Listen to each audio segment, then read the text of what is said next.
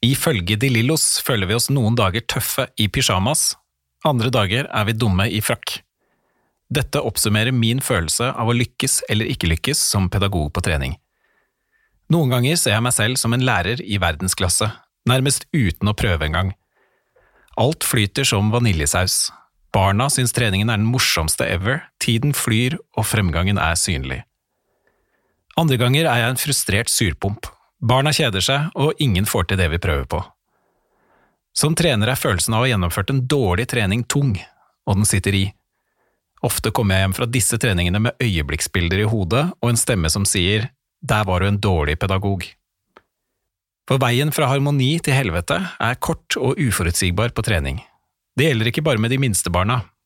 Det kan være like krevende å få til gode opplevelser med en gruppe tenåringer med galopperende hormoner som førsteklassinger med maur i rumpa og akkurat pedagogikken i enkeltsituasjoner føles avgjørende. Den tilbakemeldingen som gjør at det går opp et lys for en som har strevd med å få til noe og plutselig lykkes jublende. Eller smilet du får tilbake etter å ha gitt skikkelig skryt. Få ting gir en bedre følelse, både hos de som lærer og den som lærer bort. Men disse øyeblikkene kan også være negative.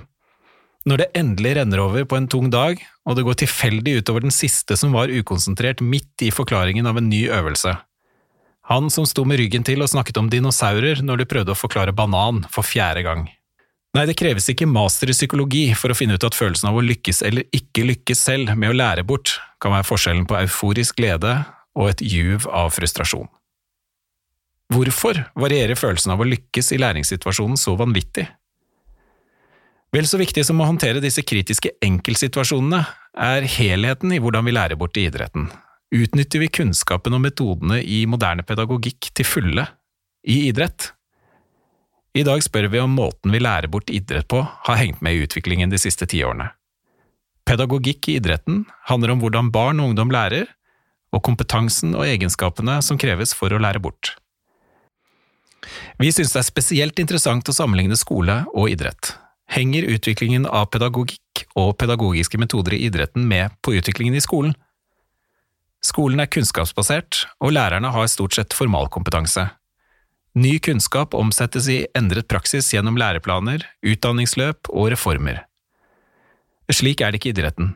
Mye er som det alltid har vært, og mesteparten handler om å øve, øve og øve til du mestrer, eller eventuelt ikke. Vi har en teori om at det for barneidrettens del tar for lang tid før vi kan nyttiggjøre oss ny kunnskap på læringsfeltet. Det skyldes selvsagt det faktum at vi er helt avhengig av de frivillige uten formalkompetanse, som slett ikke kan forventes å bruke ytterligere tid og krefter på teoretisk oppdatering. Heldigvis er det tusenvis av trenere som lytter på denne podkasten, og vårt mål er at dere skal få med dere konkrete verktøy til bruk i trenerhverdagen, også denne gangen. I denne episoden ønsker vi å finne ut om idretten har noe å lære av skolen og den nyeste kunnskapen om pedagogikk, og vi skal prøve å forstå hvilken rolle utviklingen av hjernen spiller i læring av ferdigheter på idrettsarenaen.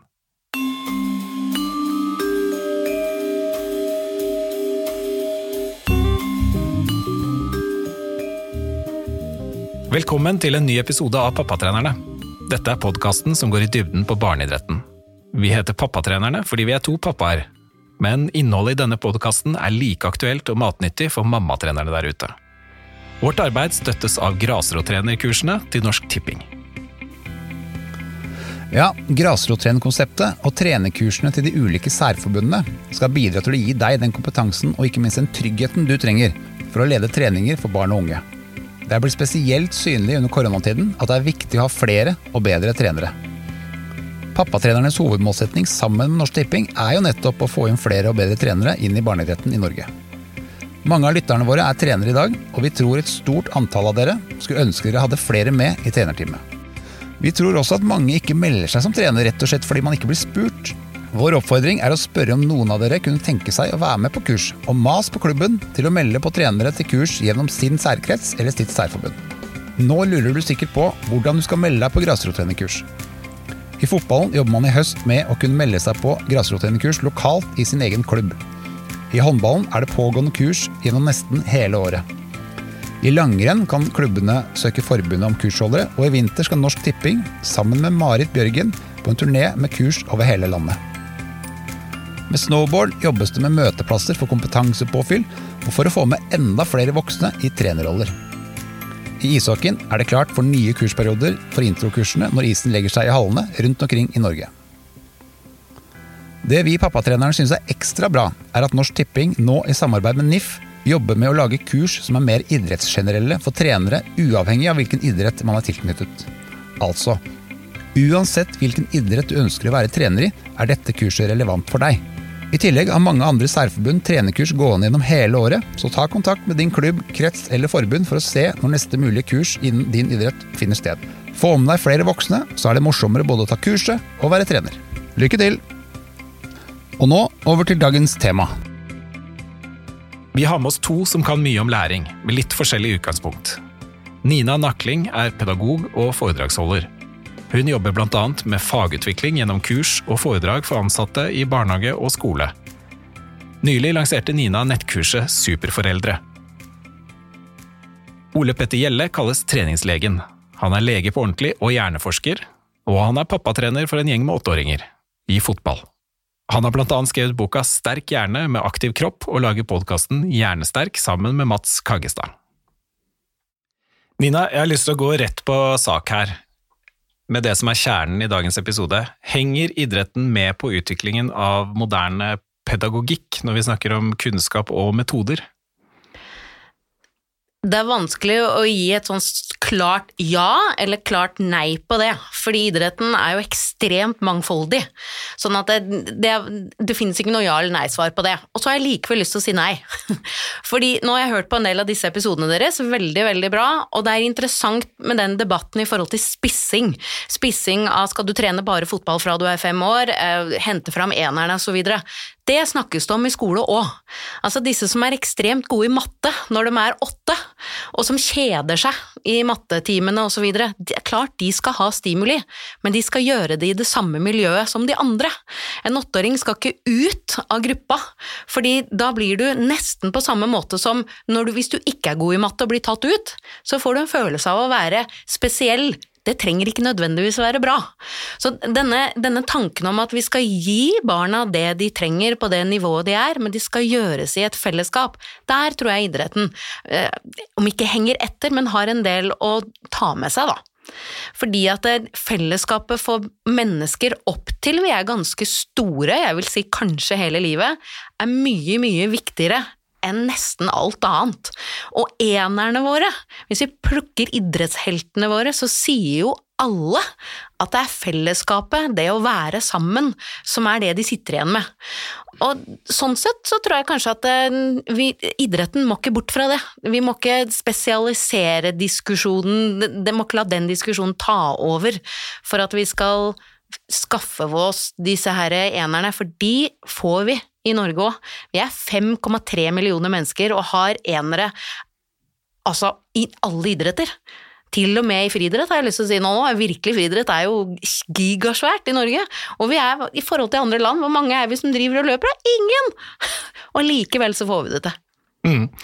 Interessant at, eh, at, du drar dette over på spesialisering og differensiering. Eh, for i idretten så blir differensiering mer og mer vanlig. Det vil si at eh, ja, du starter med en gruppe, men du skiller fort de minst øvede, de mellomste og de mest øvede fra hverandre når man skal gjøre øvelser. For tanken er at da har de alle bedre utbytte av det. Men det gjøres ikke på denne måten egentlig i skolen. Nei, altså det gjøres, men det gjøres mye eh, mye større grad i fellesskapet. Og det er klart, her er det, det er utrolig mange lærere, og mange veldig veldig dyktige lærere, som igjen har sin personlighet, og som lærer og utøver læring gjennom egen personlighet også. Så, så det fins ingen fasit. Det er fordi at hvert eneste menneske er sitt eget fasit. Derfor er det så viktig med den fellesskapsfølelsen at i klasserommet, i barnehagen nå, altså blant treåringer så gjør vi jo akkurat det samme, og er det en periode i livet du virkelig lærer noe, så er det fra du er null til du er fem. Altså du kan studere til du er 100 år, og du vil fortsatt ikke lære like mye som du gjør i de fem årene. Og der tar vi jo aldri barna ut. Der gjør vi alt sammen. Og barna lærer hverandre. De som er gode, lærer de som er mindre gode, uten at det blir sagt eller vist på noe som helst vis. Og så kan du jo si det Gro og Anja snakket om i en episode nå for ikke så lenge siden. Det der med at når jentene begynner å, å coache hverandre Vi er tre stykker på samme posisjon i håndballaget. Ja, så coacher vi hverandre, og vi heier på hverandre når den ene av oss får spille og de to andre ikke. Det er den fellesskapsfølelsen og den tryggheten som du som menneske må ha. Fordi det, Dette kan jo du snakke mye om, Ole Petter, men idet du er utrygg, og det du lurer på om du passer inn, om du har noe der å gjøre, så slår den lærehjernen seg av, og overlevelseshjernen tar over. Jeg må, jeg må finne ut av om jeg, om jeg, faktisk kan få være her eller ikke. Da lærer du ingenting. Sånn er det i skolen, sånn er det i idrettslaget, det er jeg helt sikker på. Nå, nå la du opp til en fin smash for Ole Petter her. Hva skjer egentlig i hjernen i disse læringssituasjonene? Altså, i, læringssituasjoner så det er jo veldig mange deler av hjernen da, som er uh, involvert i læring. Og Hvis vi nå er på en fotballbane f.eks., så mener jeg at det, det er veldig mye fokus selv blant de yngre når man skal ha fotballtrenere. Fra min egen klubb så vet jeg at det var mye snakk om da jeg skulle bli fotballtrener. Hvor mye fotball har du spilt, og hvor god har du vært til å spille fotball, og, og hva kan du sånn fotballfaglig og fotballteknisk? Eh, jeg mener jo det at skal du være trener for barn og unge, så er det mye viktigere å ha litt kunnskap om eh, barnas hjerner. Og det med læring er jo sentralt. Det er flere områder som styrer læring. Vi, eh, jeg kan snakke om to områder, iallfall. Det ene er jo noe som heter den prefrontale cortex. Det er en del evolusjonens mesterverk. Det er den som sitter foran, rett bak panna vår. Eh, og den utvikles veldig seint og modnes seint eh, hos oss mennesker. Den er faktisk ikke moden før man begynner å nærme seg 25 år. Og den styrer da viktige ting som oppmerksomhet, konsentrasjon, impulskontroll, konsekvensen av handlinger osv. Så, så det må man være klar over at den er mye mindre moden hos åtteåringen enn hos 14-åringen. Og så har vi da et område som heter hippocampus, som er spesielt viktig for læring og hukommelse. Og, Det som er litt interessant, det er jo at eh, begge disse områdene forskning viser at de styrkes betydelig når barn er i fysisk aktivitet. Altså, barna er rett og slett avhengig av eh, fysisk aktivitet for å få god utvikling av både den prefrontale korteksen, som styrer alt det du trenger i hverdagen for å skaffe deg venner og fungere på skole og i idrett, og også dette læringssenteret. Eh, man har til, og med funnet ut at vi kan lage nye nerveceller i dette læringsområdet som heter hippocampus ved at man er i aktivitet. Så i fall, det jeg mener er at det er vel så viktig å ha kunnskap om hjernene til barna som om akkurat det fotballtekniske, spesielt for de yngre. Det er gjerne fint å ha det også, selvfølgelig. Dette passer jo bra med vårt mål om å få flere voksne ut på, ut på banen. Eh, så man kan heller sette seg ned og lese litt om hjernen enn å, enn å, henge seg opp i at man ikke selv har spilt fotball. Da. Ja, det er ikke så dumt, det. Altså. Eller høre på din podkast. Gjerne det. Så hjernen utvikler seg bedre når man er i fysisk eh, aktivitet. Det er egentlig eh, det du sier. Men spiller det da noen rolle om vi øver på det ene eller det andre eh, når vi holder på med en idrett? Ja, altså det gjør jo det. Altså Hjernen vår, hjernen til barna, er helt avhengig av regelmessig bevegelse, lek, kall det fysisk aktivitet, trening også, for å utvikles normalt. Altså, vi må huske på at det å en arena som en fotballtrening, det er jo også en arena som er utrolig viktig for barns mentale utvikling, fysisk utvikling, det å forme vennskap, sosial kompetanse. Så hjernen opererer egentlig litt enkelt sagt da, etter et prinsipp som heter use it or lose it, som betyr i praksis at de hjerneområdene som brukes mye, de styrkes. Det blir flere forbindelser mellom nervecellene, de snakker bedre sammen. De kan til og med lage nye nerveceller. Og de områdene som ikke brukes så mye, de svekkes i sin funksjon. Og, og jeg tenker da Spesielt for barn og unge så er det om å gjøre å bruke og utfordre flest mulig deler av hjernen. Så når vi snakker om uh, fysisk aktivitet, så er det viktig at altså den beste typen fysisk aktivitet for barn, det er jo gjerne egen lek. At det som ikke skjer på voksenstyrte arenaer, hvor barna får lov til å utfolde seg selv, utfordre seg selv. Så ser jo jeg da med litt bekymring at den der eh, egenstyrte leken, den, den er blitt, eh, det er blitt mye mindre av den i løpet av noen få tiår. Jeg husker Mesteparten av leken jeg hadde med mine kompiser, det var på Løkka. Vi klatret i trær, vi spilte litt fotball, vi sloss litt. altså Vi gjorde veldig mye forskjellig. Og i dag så skjer mesteparten av fysisk aktivitet og bevegelse på voksenstyrte arenaer. Kort fortalt så tenker jeg at de, den beste aktiviteten det er den som utfordrer flest mulige funksjoner hos barna. F.eks. en aktivitet som krever motoriske ferdigheter, balanse, koordinasjon, styrke, litt utholdenhet, samarbeid, taktikk. Så altså Den store forskjellen når det gjelder fysisk aktivitet og barn, er jo om de er fysisk aktive eller ikke. Men skal du velge noe som har mest, best effekt da, for hjernen, så er det de aktivitetene som krever samarbeid mellom flest mulige områder av hjernen. Og Da er jo f.eks. fotball et fantastisk spill, for det, det krever jo alt dette her. ikke sant? Hurtighet, balanse, koordinasjon, samarbeid, eh, taktikk osv. Sånn, jeg har lyst til å, å, å gå litt sånn matnyttig til verks i forhold til dette med use it or lose it. I, når man lager en plan uh, for et lag som skal trene et år, så, så, har man noen mål om å være igjennom en del forskjellige områder. En del forskjellige ferdigheter og egenskaper man ønsker å trene opp. Er det fornuftig da å f.eks. dele opp dette i månedstemaer? Jeg har hørt om noe som heter spaced learning, som, som er, handler om at det kan være vel så effektivt å ikke ikke trene det samme til fire uker på rad, men heller komme tilbake til det litt, eh, litt, senere, for da sitter det vel så godt som om man repeterer det samme om og om igjen i fire uker, og så skifter tema. Altså at man sprer denne læringen litt utover. Her har jeg lyst til å spørre både fra hjernens, eh, sett fra hjernens ståsted og fra pedagogikkens ståsted, så vi kan starte med hjernen.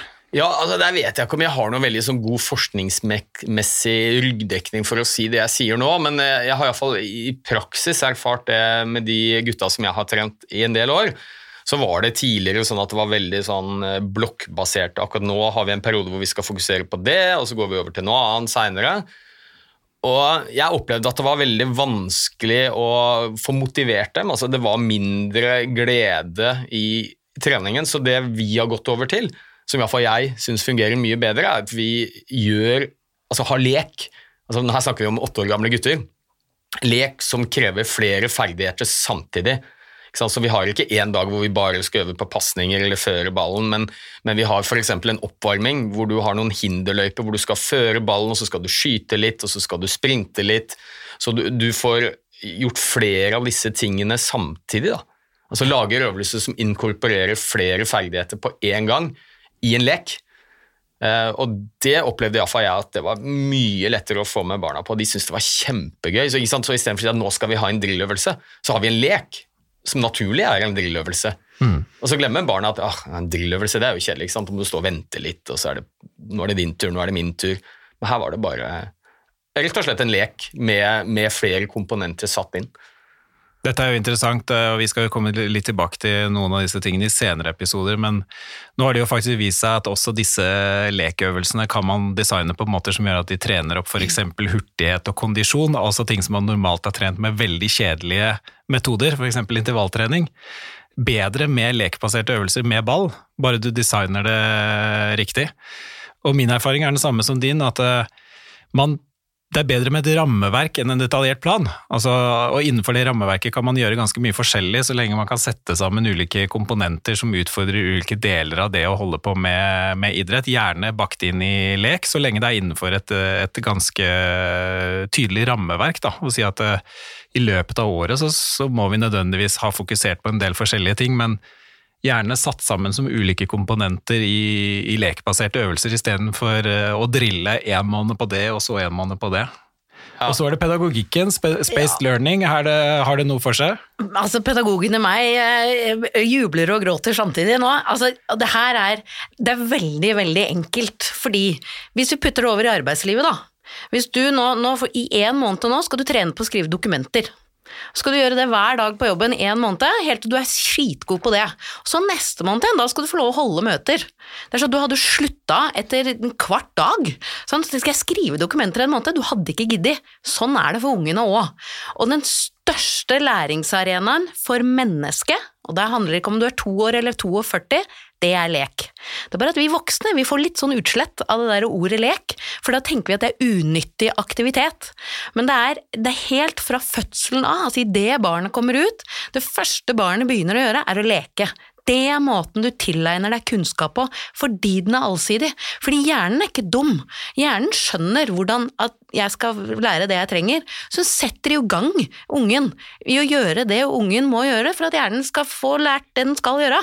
Så, og det driver ungene med hele tiden. Så gjennom hele barnehagen, vi trener jo på helt spesifikke ting, som motorikk, de skal lære å gå, de skal klippe med saks, hoppe på ett bein og to bein og alt dette her, men vi gjør jo aldri nå skal vi hoppe på ett bein i to uker. Altså det er jo ikke sånn. Samme språkforståelse, vi trener jo aldri på ord, men vi bombarderer ungene med språk, sånn at dette her skjer i en setting med alt mulig annet. Akkurat det samme på skolen. Ungene kan drive med avansert matte, men de snekrer. Men da er det beregninger og det er alt sånt. Alt er satt i et miljø hvor du gjør flere ting på en gang. Og den norske skolen har jo vært litt sånn kritisert i forhold til det, at ja, men her, vi scorer dårlig på disse nasjonale undersøkelsene som går rundt omkring i verden osv. Jo, men når det kommer til syvende og sist, når de er ute i arbeidslivet, så har de lært seg de tingene som må til for å fungere sammen i et arbeidskollege når vi skal løse kompliserte oppgaver. Du er god på det, jeg er god på dette, du er god på den tredje tingen, sammen så blir dette her det gullet vi faktisk trenger. Spesialisering, det, vi får til det, men i den læresituasjonen så er det allsidighet, og så handler det om relasjon. Barn, helt fra de er bitte små og opp gjennom ungdomsårene og til vi er voksne, vi trenger å skjønne at vi hører til, og at de vi er rundt, liker oss. For ellers så funker vi ikke. Så akkurat det der med å skape den gode relasjonen, og dere har jo snakket mye om dette med dropout og sånne ting, Mm, det handler om allsidighet, og det handler om relasjon. Mm. Og det handler om 'liker du meg'? Jeg hører på deg òg. Marco Elsefani sier det veldig, veldig tydelig. Vi mennesker hører på og forholder oss til mye bedre de menneskene som vi vet at liker oss. Mm. Men du var inne på dette med at, at, denne litt mer sammensatte og litt mer allsidige måten å lære på, den gir resultater til slutt. Og det er jo litt av utfordringen, Ole Petter, hvis uh, dine fotballgutter på åtte år møter et lag som har drilla på et eller annet i fire uker som de er blitt veldig gode på, så er det ganske stor sjanse for at du taper. Og da står, tenker du kanskje som jeg har gjort ofte når jeg har stått der med barna, at uh, nå tenker de foreldrene at vi ikke trener bra nok. Men jeg må få skyte der, fordi til slutt, det er ikke når de er 25. Altså til slutt kan være neste uke. Sant? Det er viktig å huske på tidsperspektivet her òg. Men, men, jeg opplever det ofte med 13-åringer og 11-åringer, at de lagene som vi taper mot, vi som gjør ganske mye lek og, og er veldig allsidige, ikke bare som gruppe ved at, vi, ved at, de trener forskjellige idretter fordi vi tilrettelegger for det og oppfordrer til det, men også at måten vi trener på er mer allsidig og lekbasert, uten å være ubevisst eller, eller tilfeldig, men, men, eh, men, de vi taper mot, det er de som driller, og som er uh, mer sammensveisa, og kanskje litt mer kyniske i forhold til at uh, de satser mer på enkelte spillere som får spille hele tiden, på de plassene de behersker best, osv. De kampene taper vi nå, fortsatt på 13-årstrinnet så taper vi jo de kampene, og da jeg må jo gjenta og gjenta og gjenta da, at vi, vi satser på at dette lønner seg på sikt. Ja, altså jeg tenker du må ta en liten refleksjon. Hva, altså, hva er det som er aller viktigst her? Jeg eh, er fotballtrener i en liten eh, klubb i en liten by, og der har vi vår, vårt hovedmotto er flest mulig, lengst mulig. Som vi vil ha med flest mulig barn lengst mulig. Og, og, se på dette mer som en arena for barns altså utvikling, veldig så mye som bare spissa fotballferdigheter. Og jeg har jo veldig tro på det, at eh, hvis barn syns det er gøy å spille fotball, så er det en del av dem som kommer til å bli gode fotballspillere også. Mm. For hvis du ikke syns det er gøy, så spiller det ingen rolle hvor gode dribleferdigheter eller pasningsferdigheter eller mottak du har. Altså. Men jeg tror jo også det er mulig å forene de to ønskene. Ha med flest mulig lengst mulig, men også utvikle ferdighetene til barna. Og, Det handler om å lage øvelser hvor du, hvor du får øvd på alle disse tingene, men istedenfor å si til barna at denne uken her, nå, nå, det, nå, nå har det vært covid-19, nå har mange vært mye i ro, nå skal vi øve litt på kondisjon og hurtighet. Og så har vi øvelser som bare baserer seg på det så lager du altså en hinderløype hvor du får utvikle disse tingene, men barna ser ikke på det som trening. Dette er lek. Jeg har jo prøvd det. Vi gjør rene løpeøvelser og, og hurtighetsøvelser. Ah, det er begrenset hvor gøy barna syns det er. Det er mange som faller fra. Men med en gang du går inn i en hinderløype, lek, hvor du har lagt inn disse ferdighetene, hopp, eh, hurtighet, eh, litt kondisjon, du blir sliten, føre ball, sende pasninger, så er det lek. Og så har de gjort alle, dette, alle, disse tingene som vi egentlig var ute etter, uten, uten engang å ha tenkt seg om. og hatt det gøy. Og det er her pedagogikken kommer inn. Fordi at når jeg sier allsidig, så er det ikke ut på banen, lek, kos dere. Altså det å, å organisere en styrt, lek, variert, allsidig trening koster mye mer pedagogisk innsats enn enn noe annet. Og det er klart at vi skal trene på ferdigheter og alt sånt noe, men, men, det skal oppleves som gøy for de som holder på med det. Det er jo samme som oss fire, det. Hvis vi skal trene. Vi trener jo det vi syns er mest gøy. Eller så gidder du én gang, og så slutter du.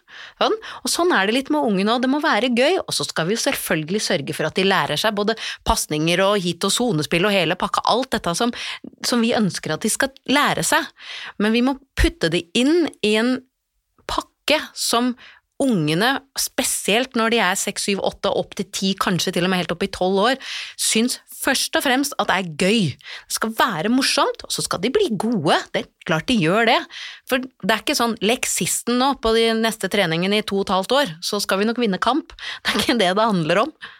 Ja, og Unnskyld, nå brukte jeg litt tid her, men, men, jeg tror jo at uh, dette her da, med den gode pedagogikken, det krever også litt forberedelser for de som skal være trenere. Og det er jo veldig lett eh, ikke sant? Det er frivillig arbeid, man har vært på jobb og ikke sant? Oh, shit, fotballtreningen begynner klokka fem, man kommer dit ett på fem hva skal vi gjøre for noe i dag? Nei, vi tar en stafett, eller vi jogger litt rundt banen. Og, mm. Så jeg prøver i hvert fall å, å, bruke mye tid på det. Akkurat som når jeg skal undervise for studentene mine, så snur jeg ikke bare bunken og møter opp akkurat idet jeg skal begynne. Jeg har brukt litt tid på å forberede meg. Hvordan skal vi prøve å legge opp dette? Mm. Og så er det selvfølgelig rom for å være fleksibel og endre ting underveis, avhengig av hvor slitne barna er og hvordan de takler det. Men eh, jeg kommer 20 minutter før, og så, og så bruker jeg litt tid på å sette opp disse hinderløypene og, og, og prøve å legge en plan, da. Og gjerne sammen med barna, for jeg spør dem hva var det dere syntes var gøy forrige gang.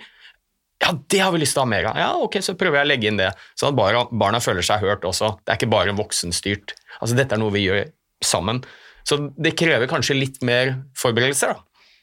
Dette er vel, Jeg anbefaler alle å gå tilbake til episode to i sesong én, som handler om lek, for det er vel egentlig et av hovedbudskapene våre det, i den episoden. Det er at vi må være klar over at eh, gode lekbaserte treninger krever mer planlegging enn de strukturerte øvelsesbaserte drillene. Mm. Og det er to områder her som jeg har lyst til å utfordre dere litt på i forhold til den frivillige treneren uten formalkompetanse versus en lærer eh, i et klasserom. Og Det ene er på dette med differensiering. Det er jo ikke tvil om at du får en lettere jobb som trener hvis du deler gruppa i tre ut fra ulike ferdigheter, eh, fordi du får mer harmoniske grupper, hvor du kan på en måte pinpointe hva hver enkelt gruppe trenger, hvilket nivå er de på, og hvordan får man en mest mulig enhetlig eh, liksom nivå på treningen for den eh, gruppa der. Det er enklere for uskolerte trenere, vil jeg hevde, selv om det kanskje ikke er det beste. Så er det en snarvei man tyr til, og som jeg tyr til innimellom, skal jeg gjerne innrømme, og særlig nå under korona med, med litt begrensninger, så går man litt i den retningen. Eh, det andre er jo nettopp dette med at eh, det krever mer planlegging. Eh, ha gode økter som er allsidige, og som kanskje er mer liksom innenfor et rammeverk og langsiktig skaper den rette utviklingen og inneholder de rette elementene, som du sier, Ole Petter, at man setter sammen øvelser som trener tre-fire ulike ting, ubevisst det krever jo at man tenker over hva de tre-fire ulike tingene skal være, og setter dem inn i en lekbasert sammenheng. Så hvordan kan vi som eh, foreldretrenere eh, på en måte håndtere disse situasjonene, så vi unngår å differensiere for mye, og at vi unngår for mye av de strukturerte øvelsene? For vi har egentlig ikke tid, vi har egentlig kanskje ikke krefter alltid til å gjøre det på den måten som, eh, som er pedagogisk riktig. Jeg tror at Eller for å hente opp igjen han karen fra Bryne, mm. og dette fotballaget som har fostra disse her eh, enerne osv. Han sa noe som var veldig veldig viktig, sett i en sånn læremessig situasjon og pedagogisk tanke. Det er vi samlet alle 40. Vi, vi gjorde ulike ting, men alle 40 var sammen hele tiden. Det er kjernen i det for meg. Det handler rett og slett at spesielt disse gryende ungdommene og ungdommene, de går og Altså, de sjekker deg ut. Er du logga på meg, eller er du ikke?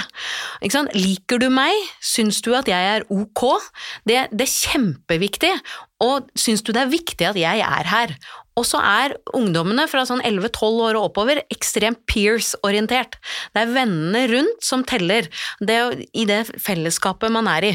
Så hvis du som uskolert eh, trener bruker ganske greit med tid til å skape det grunnfundamentet i gruppa di, helt fra de er små, om at vi har det bra sammen, vi vil være sammen, vi koser oss sammen, vi har det ålreit sammen. Jeg er her fordi jeg har lyst til å være her.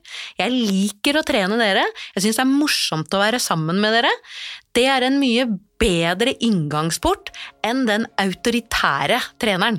Og her henger nok idretten litt etter i forhold til hvordan skolen har, har bevega seg. For den autoritære læreren med pekestokken, den er borte fra skolen nå. Altså, hvis det dukker opp igjen, så blir det slått ned på hardt. Fordi da sitter elevene og er redde.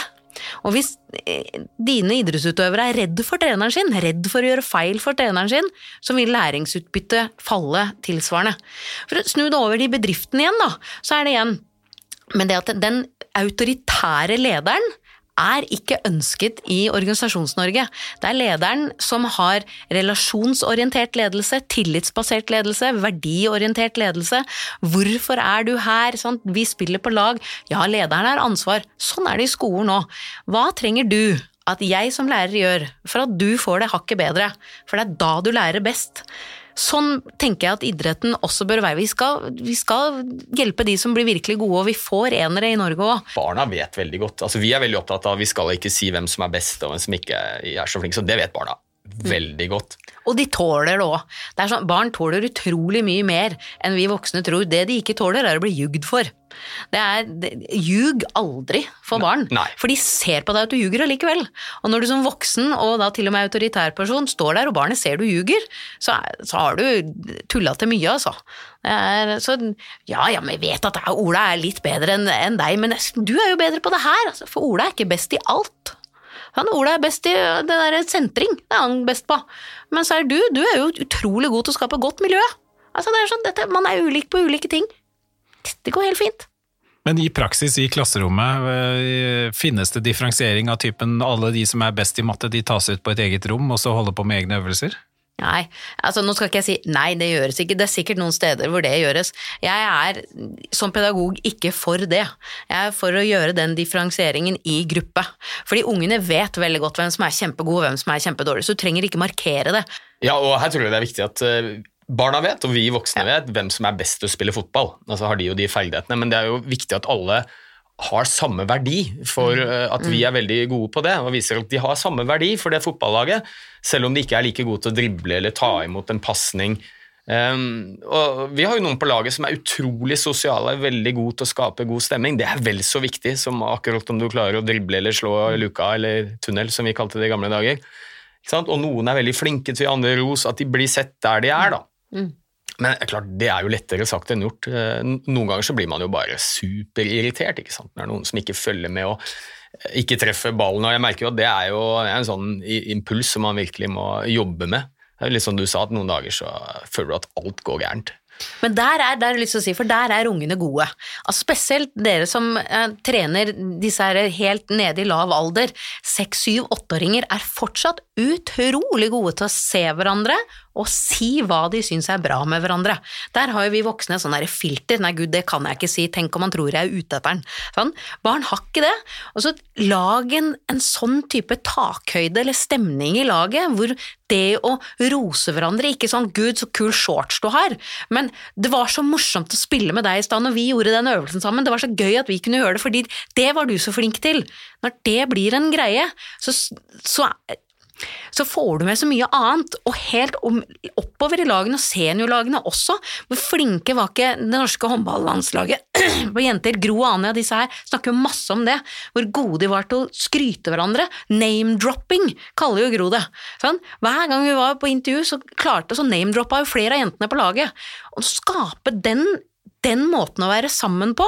Det der med at du er rågod, altså det er kjedelig når du ikke er på laget, for det er mye mer sosialt når du er der. Da spiller det ikke så stor rolle om du er den beste til tunnel eller ikke, fordi det er andre verdier. Og begynner vi med det tidlig, så blir det en naturlig måte å være sammen på, som igjen vil gjøre læringen enklere og bedre.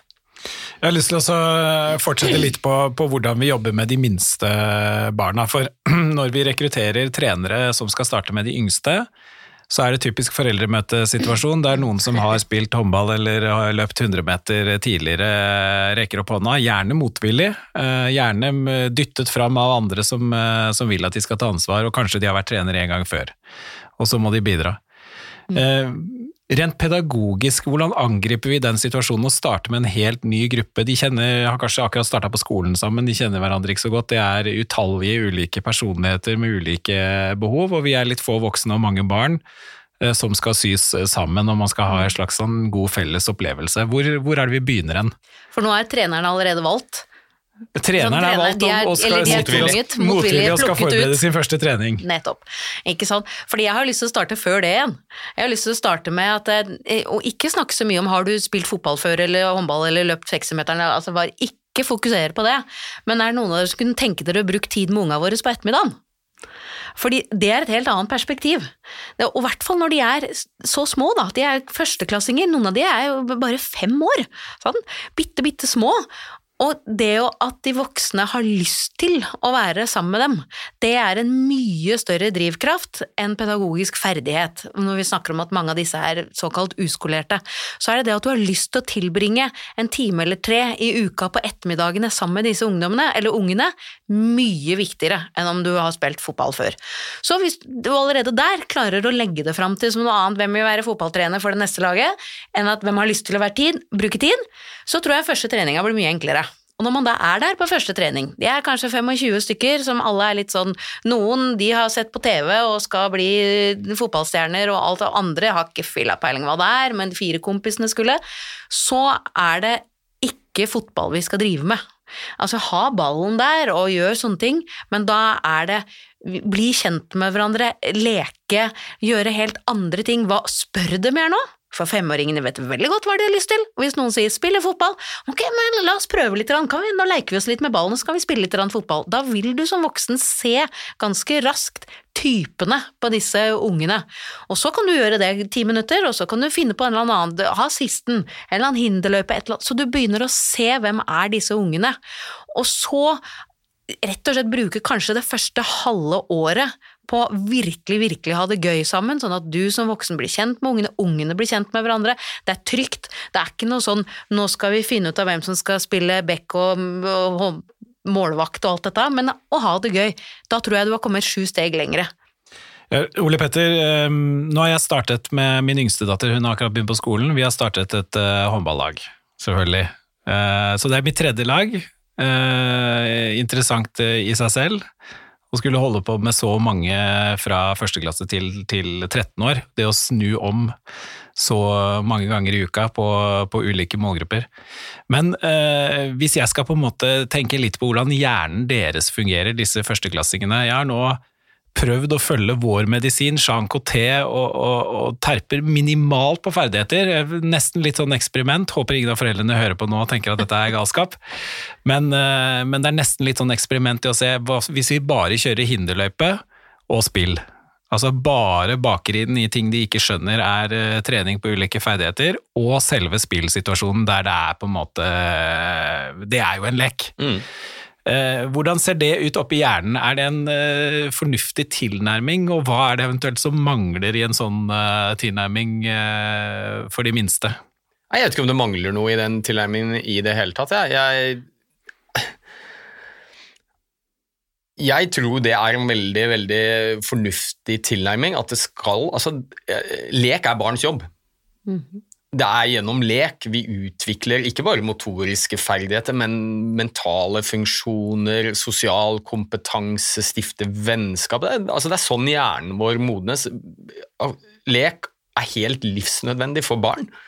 Så, så, jeg har jo veldig tro på den, og det tror jeg støttes av forskning også, den, den lekbetonte greia. Du, men jeg tror som sagt det er mulig å få inn alle disse ferdighetene, men det må bakes inn. Eh, Det er ikke drilløvelse, men det er, det er lek hvor du faktisk klarer å få gjort dette og på et eller annet vis lure litt barna til å gjøre de tingene som er bra for dem, uten at det framstår som altfor strukturert og eh, ja, tilrettelagt av voksne. Jeg har lyst til å snakke litt om eh, tilbakemeldinger. Eh, For da skjer det noe i hjernen når vi får skryt. Det er eh, vel kanskje noe av det vi eh, Altså det mest effektive virkemidlet vi har for å bygge mestringsfølelse og selvtillit hos barn, og, og da i andre, andre omgang også faktisk mestring. Mm. Eh, Det er noe som heter dopamin, er det det? Jo da, ja, ja. Altså, dette med anerkjennelse er jo et iboende menneskelig behov som vi har helt fra fødsel. Og når du får skryt, anerkjennelse, og du opplever at «Fy søren heller, dette fikk jeg til, så skiller vi bl.a. ut øh, dopamin. da.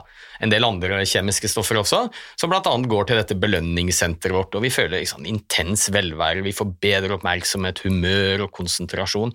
Og det er jo veldig selvforsterkende, for det er jo sånn hjernen vår egentlig funker. Hjernens viktigste oppgave det er jo sånn rent evolusjonsmessig å ta gode valg som øker sannsynligheten for at vi lever en dag til. Og når vi tar gode valg for oss selv, så blir hjernen badet i dopamin.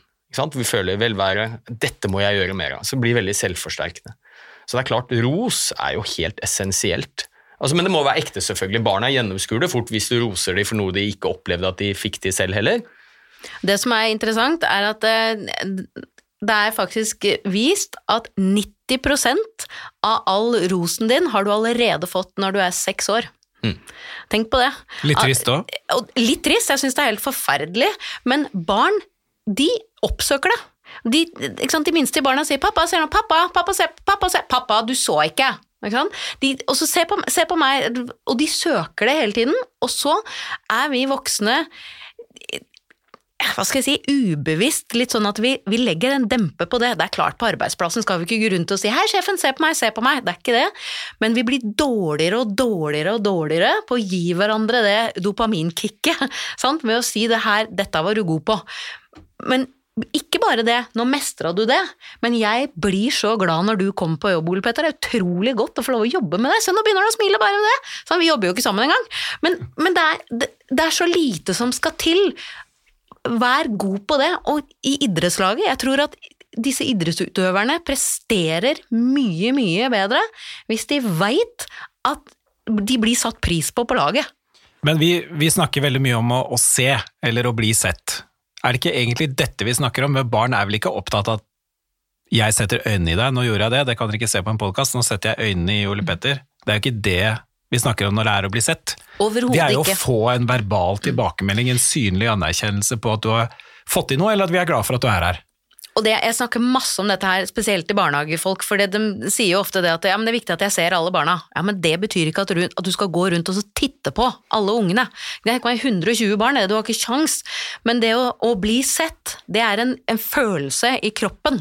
Det kan være at jeg går forbi deg og stryker deg over skulderen og sier hei, der er du jo. Sånn. Så det handler om en fysisk og psykisk, ikke minst, følelse av å bli sett. Og den følelsen av at du er ønsket der. Så det handler definitivt ikke om å bare titte på hverandre, selv om det av og til handler om det òg, men det å kjenne at her hører jeg til. Jeg ønsker også å få- dette ned til litt sånn øh, praktiske huskeregler og tommelfingerregler. Kan det for eksempel, eh, for å kaste ut et eksperiment her, disse treningene som jeg snakket om i introen eh, min, hvor alt er gærent, kan det være at man bare skal ta seg en, et minutts pause, og så skal man gå ut og begynne å skryte? Tror dere at ting kan snu da? Jeg må si definitivt ja, fordi det er ikke sånn at du la merke til det når treninga var over. Du merker det ganske raskt at uh, i dag er det et eller annet som er ute og kjører. Trener du 12-13-åringer, sett dem ned og si at vet du hva, nå kjenner jeg at alt er bare helt på tok, og jeg lurer på om jeg kom inn her med både det ene og det andre beinet feil. Og eh, har dere noen forslag, hvordan kan vi bare restarte denne treninga? Ungdom elsker at voksne er ærlige på det, for de har jo sett lenge at du i dag suger du. I dag er det bare helt feil. Og når du innrømmer det og sier hei, vi starter på nytt igjen, det er helt ok. Det går helt fint. Så hvis du da er eh, en mamma- eller pappatrener på tredje eller fjerde året, og du har lytta til denne podkasten og hører på dere to si masse kloke ord nå, og du har låst deg kanskje fast i et mønster på treningene som er litt negativ, en liten negativ spiral, hva, kan, hva er deres råd eh, som de kan ta med seg for å snu den negative trenden på treningene? Jeg tror at du først og fremst skal titte i speilet. For vi voksne vi er veldig lett for å titte ut, og så ja, dette laget har jo, det er jo tre stykker her med ADHD, og så er det to stykker her som virkelig er dårlige, og så er det bare én som, som begynner å putte skylda ut. Ta og Snu deg rundt, titt deg i speilet og se hva er det jeg gjør når jeg kommer på trening. Hva er det jeg gjør de gangene jeg føler at ting funker? Hvordan kan jeg gjøre mer av det? Jeg må gjøre en endring. Det er meg som voksen og meg som trener som må ta det ansvaret. Så kan du godt spørre ungene, åtteåringene òg, og si at jeg kunne godt tenke meg også blitt litt bedre på det der trenegreiene. Har dere noen tips? Åtteåringen vil være helt rå og komme med mange tips du tenker det har jeg ikke tenkt å følge, men det vil være noen hvor du tenker det der var jaggu meg smart, det skal jeg ta, ta til meg. Og, og så innrømme for deg sjøl at dette her handler mye om hva jeg gjør og hvem jeg er. Istedenfor å rette blikket ut, nå skal jeg fikse de unga så de kan bli et ordentlig lag. Ja, og jeg hadde et godt eksempel på det. Jeg hadde en sånn trening hvor ingenting fungerte. Det var ingen som eh, hørte etter. og Da gjorde vi mye av det samme som vi hadde gjort uka før, og da fulgte de med.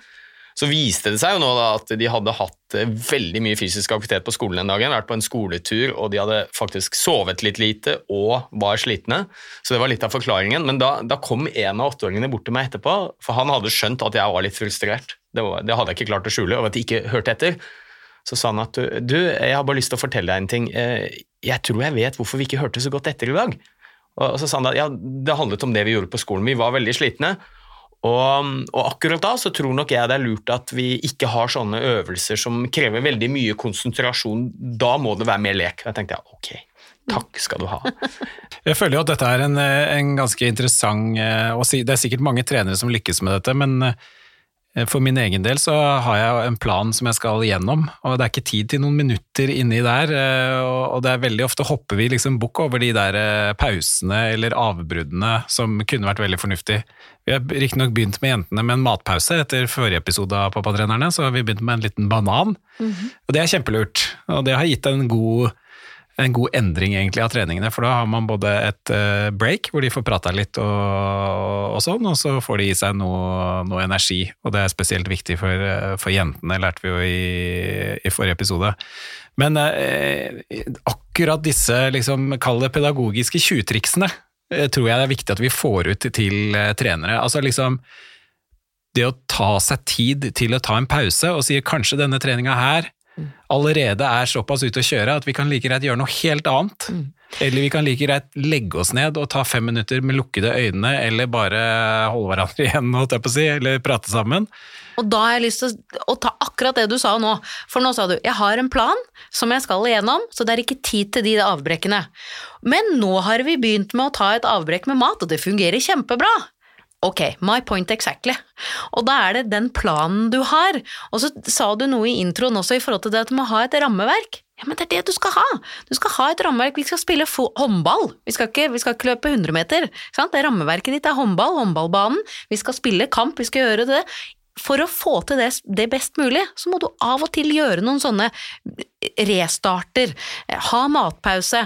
Sette, kanskje har du en gjeng med 14 år gamle jenter som dukker opp på trening, og du ser at her er det et eller annet. Det er et eller annet. Spør dem. Hei, jenter, nå er det mye som foregår her. Dere, er dere interessert i å dele litt med meg, eller du veit jeg har litt erfaring, kan komme med noen tips. Bruk det de ti, Ok, så tar det ti minutter av treninga, men så roer det kanskje det hormonparty som er i huet på disse 14-åringene, og så får du en bedre trening. Vær til stede, bry deg om, se det som foregår, for når du kjenner dem, så ser du òg når ok, her har det skjedd noe, det er et eller annet som har foregått, hvis du da får vite at ja, på skolen i dag så skjedde sånn og sånn, ok, da tar vi fem-ti minutter, så prater vi om det, og så trener vi etterpå. Det vinner du på, altså. Og ikke bare når de er 25, men på neste kamp. Ja, Det der tror jeg er veldig viktig også. Det er helt supert å ha en plan for hva man har tenkt å gjøre på en trening, men den bør ikke være for rigid. Man må ha noen alternativer, fordi eh, det er klart hvis du kommer inn i et spor, og du ser at de følger ikke med, det er krangling Du kan ikke kjefte på barna sånn at de faktisk gjør det du ønsker at de skal gjøre. At du da har nok fleksibilitet og sier at vet du hva, kanskje vi skal gjøre noe helt annet nå. Og så prøve å huske hva er det som er hovedmotivasjonen her. Og det er å ha det gøy og skape trivsel, og så få heller den øvelsen som du har veldig lyst til å få gjennom, fordi du så at det funka ikke i siste kamp. Vent med det, for det, det blir ikke noe bra hvis du tvinger det gjennom. Ta det på neste trening. For da er de kanskje mottakelige. Akkurat det du sier der, Ole Petter, er jo interessant. Eh, det, dette spørsmålet stiller man seg jo eh, i idrett som tross alt på et eller annet nivå er resultatorientert. Da, ikke sant? Vi har spilt en kamp, sånn som vi spilte en kamp nå i helgen, tapte med ett mål.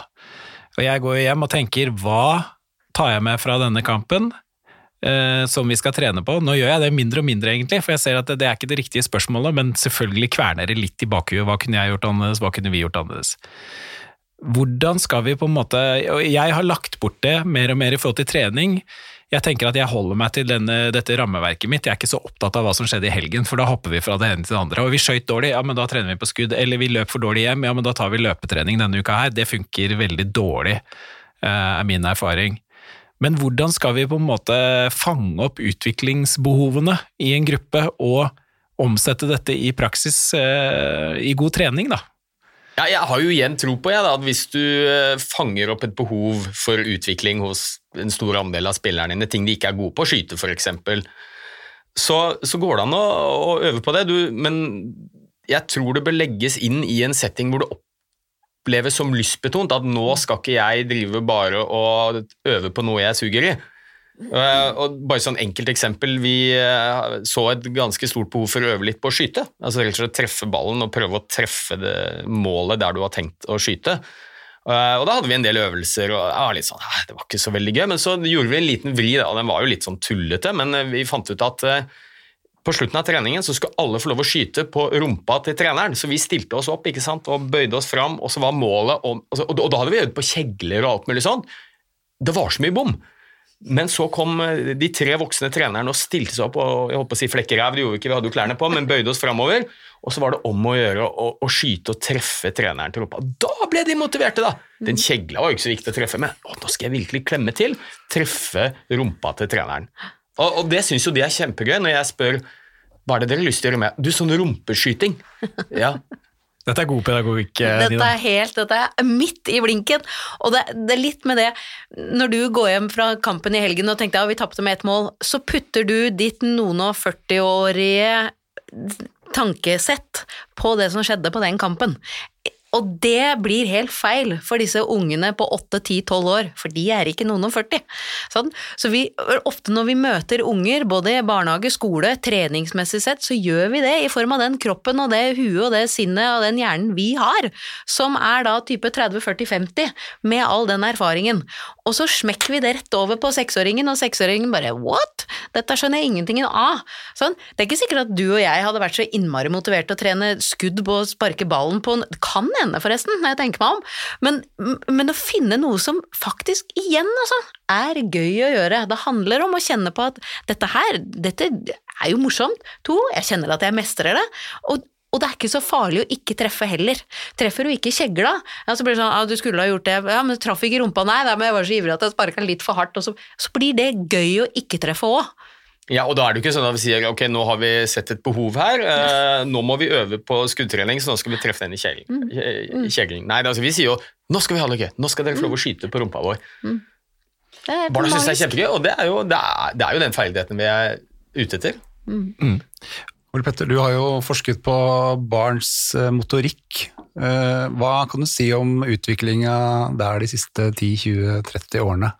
Ja, altså Det er jo et spørsmål mange stiller. da, ikke sant? Er norske barn mindre motoriske i dag enn det de var før? Og Det intuitive svaret, og jeg tror for de aller fleste som jobber med dette til daglig, er nok ja, det har skjedd en del ting. Men vi har ikke veldig gode forskningsdata som kan si helt sikkert at de er mer klumsete, altså den kategorien som en del barn putter i i dag. Men det handler mest om hva slags undersøkelse som Vi har ikke gode data på det. Men eh, det er, jeg tenker det er litt grunn til bekymring. Og, og det viktigste med det er at det med motorisk utvikling, det å være i lek og aktivitet, det er så viktig for barn. Ikke bare for å lære motorikk, men det viser seg også at det er forbindelse mellom de sentrene i hjernen som styrer motorikk, f.eks. hjernebarken som styrer muskler, lillehjernen som styrer koordinasjon osv., og disse områdene av hjernen, hjernen som er viktig for sosial kompetanseutvikling, vennskap, eh, hukommelse, impulskontroll. Så, og, og det er jo litt interessant også når vi snakker om skolen, fordi mange har observert det at barn som er dårlig motoriske, ikke klarer de helt vanligste basale ferdigheter som en, den aldersgruppen skal klare, de gjør det ofte dårligere på skolen også. Og jeg husker jo da jeg var liten, så fikk vi høre at sant, enten har du det i huet, eller så har du det i beina. Sånn, enten var du god i idrett og dårlig på skolen, eller vice versa. Men det er en nær sammenheng der. Så det å utvikle motoriske ferdigheter, det er ikke bare nødvendig for å klare å være motorisk, ikke skade deg og sånn, men det er viktig for uh, læring også. Det er den spontane leken mm. som er klart viktigst. Og jeg ser jo med skrekk og grunn sånne eksempler fra noen barnehager som jeg bare har vært involvert i selv, pga. barna mine, hvor de, sant, de, sager ned de høyeste greinene, de putter skumgummi rundt de spisse steinene, den isvullen som man kunne skli på, den stenger man den lille klatreveggen som ble reist opp, da var det en av foreldrene som sa ja, men hva hvis de faller ned, det er en meter høyt, de kan skade seg. Og så stenges de. Og så tenkte jeg, Da gjør vi barna våre en bjørnetjeneste. Og nå mener jeg bjørnetjeneste sånn som vi voksne mener det, at man gjør unge mennesker i lag tror en bjørnetjeneste er en positiv ting. Ja, Få unga ut i skauen, det er ikke EU-reglene. Altså, det er jo ingen som vil at barn skal skade seg stygt, mm. men du gjør dem en bjørnetjeneste ved å ikke la dem få lov å utfolde seg. Fordi det der med å kjenne på egne grenser, hva er akseptabelt, hva tør jeg, hva tør jeg ikke, slå seg litt, altså det er sunt. Det er helt essensielt for utviklingen vår. Og igjen der så er ikke hjernen dum, for disse unga er jo heller ikke idioter. Det er katter som klatrer så høyt opp i trærne at de må hentes av brannvesenet. Det er det ingen barn som gjør. Barn vet veldig godt ja, ja. hvor, så når de får lov til å teste det, en ettåring står på en kant, og det er 30 cm ned, og for ettåringen så er det prekestolen.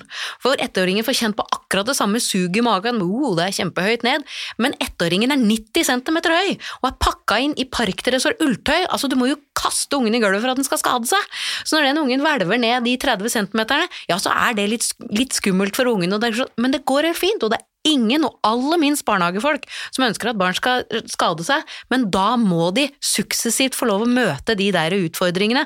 Hvis vi rydder utfordringene for dem, så kommer de som 17-åringer til prekestolen, og så trør du på utsida fordi det var litt høyt. Altså, det, så, ja, ja. Vi, må, vi må utsettes for det å kjenne på de tingene. Ja, for her tenker jeg Det er to utfordringer. Det ene er jo den eh, økte tendens til akademisering og mm, mye mer voksenstyrt lek. Mm. Det er det ene. Og det andre er jo det generelle aktivitetsnivået, som mm. er hurtig synkende hos barn. ikke sant? 100% av norske barnehagebarn beveger seg og leker en time om dagen, som er myndighetenes anbefaling. Så begynner de i første klasse, og da synker aktivitetsnivået med 40% Men fortsatt så er førsteklassingene i lek en time om dagen, nesten alle sammen. Beveger vi oss til tolvåringene, så er vi plutselig nede i 50 mm. Og jeg møter jo en del av disse barna på helsestasjonen, hvor de har vanlige helsekontroller. Barn i forskjellige aldre. Og jeg hadde min første jobb som jobb på helsestasjon for 20 år siden. Da var jeg nyutdannet lege. Og da er det enkle ting barna skal De skal ta imot en ball, de skal observere det med lek, de skal kneppe inn en skjorte, de skal hinke. Og det klarte nesten alle barna. I dag så er det faktisk en ganske stor andel av barn som ikke klarer helt basale ferdigheter som du faktisk trenger i hverdagen. Avslutningsvis, eh, tre på en måte gode råd fra deres fagfelt som trenere kan ta med seg inn, helt sånn konkret. Skal du begynne, Ole Petter? Du, Jeg kan godt begynne. Jeg har tre tips. da. Det ene det handler om å se til seg selv først og huske at uh, vi voksne vi er barnas instruksjonsmanualer. Så måten vi gjør ting på, det blir gjerne adoptert av barna. Det er mye viktigere, mye sterkere signal til barna hva vi gjør, enn hva vi sier at de skal gjøre. Et enkelt eksempel. Vi er jo veldig opptatt av å snakke om at ja, dommeren dømmer. Ja, hvis du er uenig i dommeravgjørelsen, så bare fortsett å spille. Men når treneren står og skriker på sidelinja at 'dårlig dømmeravgjørelse', nei, det skulle vært frispark, er klart barna gjør det samme. Samme med ros, vi vil at barna skal rose hverandre. Da må vi være flinke til å gjøre det sjøl, da. Så husk det. Det er det ene. Og, og, det andre tror jeg handler om å Hvis du skal være en god uh, trener for barn, så um, må vi erkjenne at barn er veldig forskjellige. Og noe av det jeg har opplevd som har vært mest fruktbart for å bli en, forhåpentligvis en god fotballtrener, det er å lære barna å kjenne. Altså rett og slett bli kjent med dem, uh, for de er forskjellige. Og Det kan man f.eks. gjøre ved å ha en del sosiale greier og mye lek hvor du lærer godt å bli kjent med barna.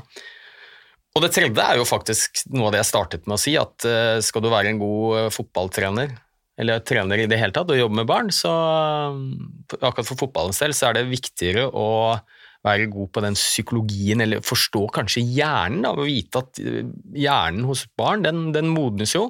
Og hvilket stadie er det på nå? Så rett og slett lære litt om, eh, om barns utvikling, hjernens utvikling, hos forskjellige aldersgrupper. Kan være å lese noen populærvitenskapelige bøker. 'Hjernen er stjernen', for eksempel. Det er en veldig bra bok, så bruk litt tid på det. Nina, har du tre, tre tips eller verktøy som eh, foreldretrener kan bruke? Ja, først, først, har jeg lyst til å si at det er eh, relasjonen først. Altså, Start med din egen relasjon til det å være trener. Har du lyst til å være trener? For Hvis du tenker at det har jeg ikke lyst til, da bør du kanskje ikke være det heller. Så, og så når du har bestemt for at jo, jeg har lyst til det, jobb med relasjonen i gruppa. Det er, det er det sosiale som skal ha fokus først. Det skal være et trygt fundament å være. Skap tillit. Bruk tid på det. Og om det da tar en kvart sesong, so be it. Fordi det er så viktig. Det er det ene. Det andre er våg å feile. Du kommer til å ha treninger, ikke bare én, men mange treninger, hvor du tenker 'jeg får det ikke til', og det er helt riktig, det gjør du ikke. Det er fordi du er menneske, og det er helt greit. Våg å feile, og når du kjenner det, stopp opp med en gang. Ta de pausene, spør gjerne spillerne dine eller idrettsutøverne dine også. Innrøm feil. Det, det er alltid tillitsvekkende, spesielt overfor unger. Og så må du, som Ole Petter også var inne på, se i speilet. Er, du er en rollemodell, du må sjekke ut ditt eget kroppsspråk. Hvordan ser kroppsspråket mitt ut når du kommer på trening og har krangla med sjefen tidligere på dagen? Sånn, fordi det legger ungene merke til. Ta, altså, ta en liten sånn kroppsspråksjekk, og så må du starte der. Ikke legg skylda på de andre. Ta utgangspunkt i deg selv, det er du som er rollemodellen. Her som Ole Petter sier, de gjør det vi gjør. Sånn er det. Og så har jeg lyst til å si lykke til og tusen takk til alle de mamma- og pappatrenerne som faktisk bruker ettermiddagene sine på unga våre, for det er våre unger, og som skaper den muligheten for aktivitet. Tusen, tusen takk. Ja, det er uh, avslutning så god som noen, det. Det, det er perfekt. Helt nydelig. Da klapper vi. Du har hørt en episode av Pappatrenerne, som lages av oss, Eirik Øyestad og Martin Blekkerud. Pappatrenerne er produsert av kommunikasjonsbyrået Sleger. Takk til våre samarbeidspartner Norsk Tipping, som gjør det mulig for oss å gå i dybden på barneidretten. Les mer på Norsk Tippings nettsider om grasrottrenerkonseptet.